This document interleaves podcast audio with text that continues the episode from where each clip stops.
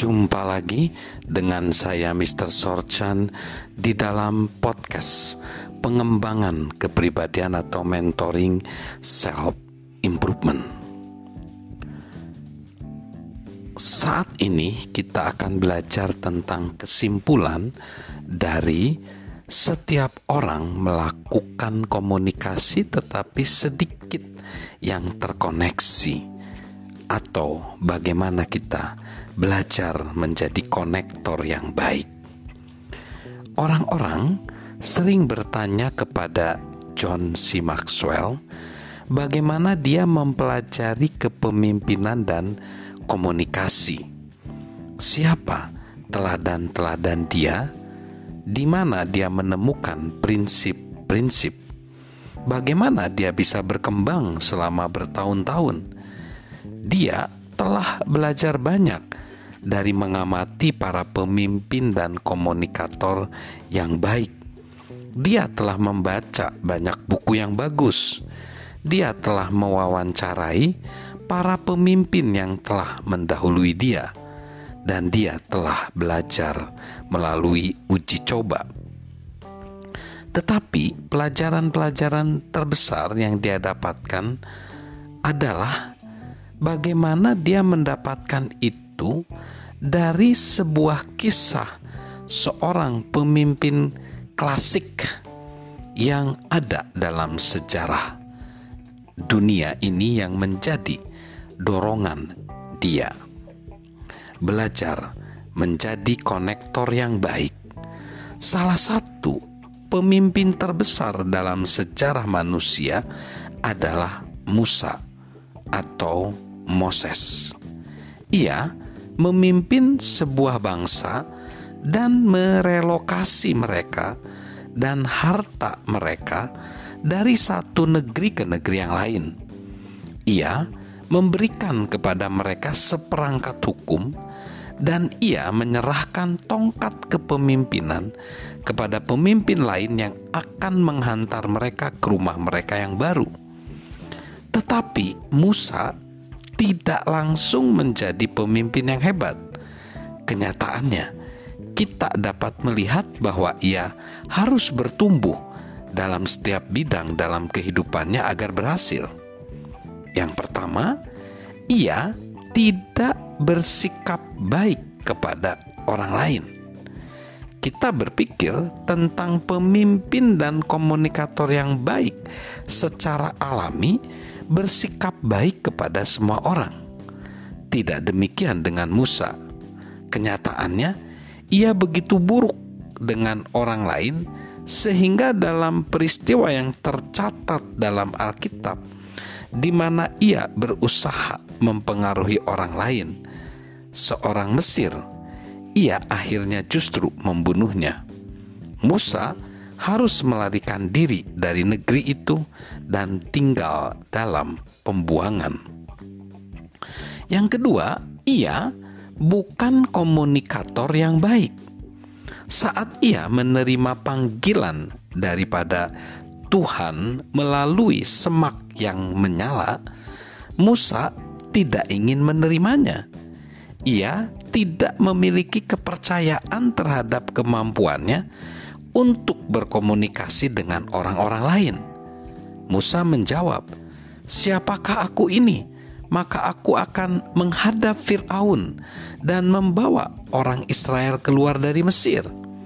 Dan ia menambahkan, "Ah, Tuhan, aku ini tidak pandai bicara, dahulu pun tidak, dan sejak Engkau berfirman kepada hambamu pun tidak." Sebab aku berat mulut dan berat lidah. Ah Tuhan, utuslah kiranya siapa aja yang patut kau utus. Agar Musa menerima tugas, Tuhan harus setuju untuk mengutus saudara Musa bernama Harun bersamanya. Yang ketiga, ia bukan pemimpin yang baik setelah Musa berhasil memimpin keturunan Israel dari Mesir, ia tidak secara khusus berhasil memimpin mereka lebih jauh. Umat terus-menerus berusaha untuk berjalan ke arah yang salah dan Musa berusaha untuk melakukan segala sesuatu sendiri. Sebuah resep untuk kegagalan dalam kepemimpinan. Ayah mertuanya, Yitro, melihat apa yang ia lakukan itu salah dan mengajarkan kepadanya bagaimana mengangkat para pemimpin yang lainnya untuk menolong demi memikul bebannya. Mengapa teladan Musa itu penting? Karena itu menunjukkan bahwa kemampuan untuk menjalin hubungan dengan orang lain, berkomunikasi secara efektif dengan mereka, dan meningkatkan pengaruh kita adalah sesuatu yang dapat dipelajari. Lorin Wolfe dalam The Bible of Leadership berkata, ada serangkaian perdebatan tentang apakah keterampilan komunikasi yang efektif itu dapat dipelajari dan apakah sifat dari karisma itu. Ia setuju bahwa itu dapat dipelajari. Ia menulis, saran Tuhan kepada Musa adalah supaya ia bekerja sama dengan saudaranya Harun, yang adalah pembicara yang lebih baik. Tetapi Musalah, bukan Harun, yang berbicara kepada Firaun dan memimpin umatnya keluar dari Mesir. Meskipun ia memiliki kekurangan dalam kemampuan berbicara, Musa memiliki keyakinan, keberanian, dan belas kasihan bagi umatnya Ciri-ciri ini dikomunikasikan dengan jelas kepada semua orang yang mengenal dia, baik pengikut maupun musuh. Musa menyadari kemampuan yang ia miliki dan ia memakainya secara maksimal. Ia menjalani panggilannya dan ia meningkatkan pengaruhnya dan menggunakan untuk menolong sejumlah besar orang yang tak terhitung banyaknya. Dan ia menjalin hubungan dengan mereka saat ia meninggal dunia, seluruh bangsa itu meratap. Umat menangisi kepergiannya selama 30 hari. Menjalin mulailah menjalin hubungan hari ini. Sahabat Mr. Sorchan, apa yang dapat kita lakukan dengan bakat yang kita miliki? Apa pun yang ada pada diri kita, dapat digunakan lebih baik lagi jika kita belajar untuk menjalin hubungan dengan orang lain.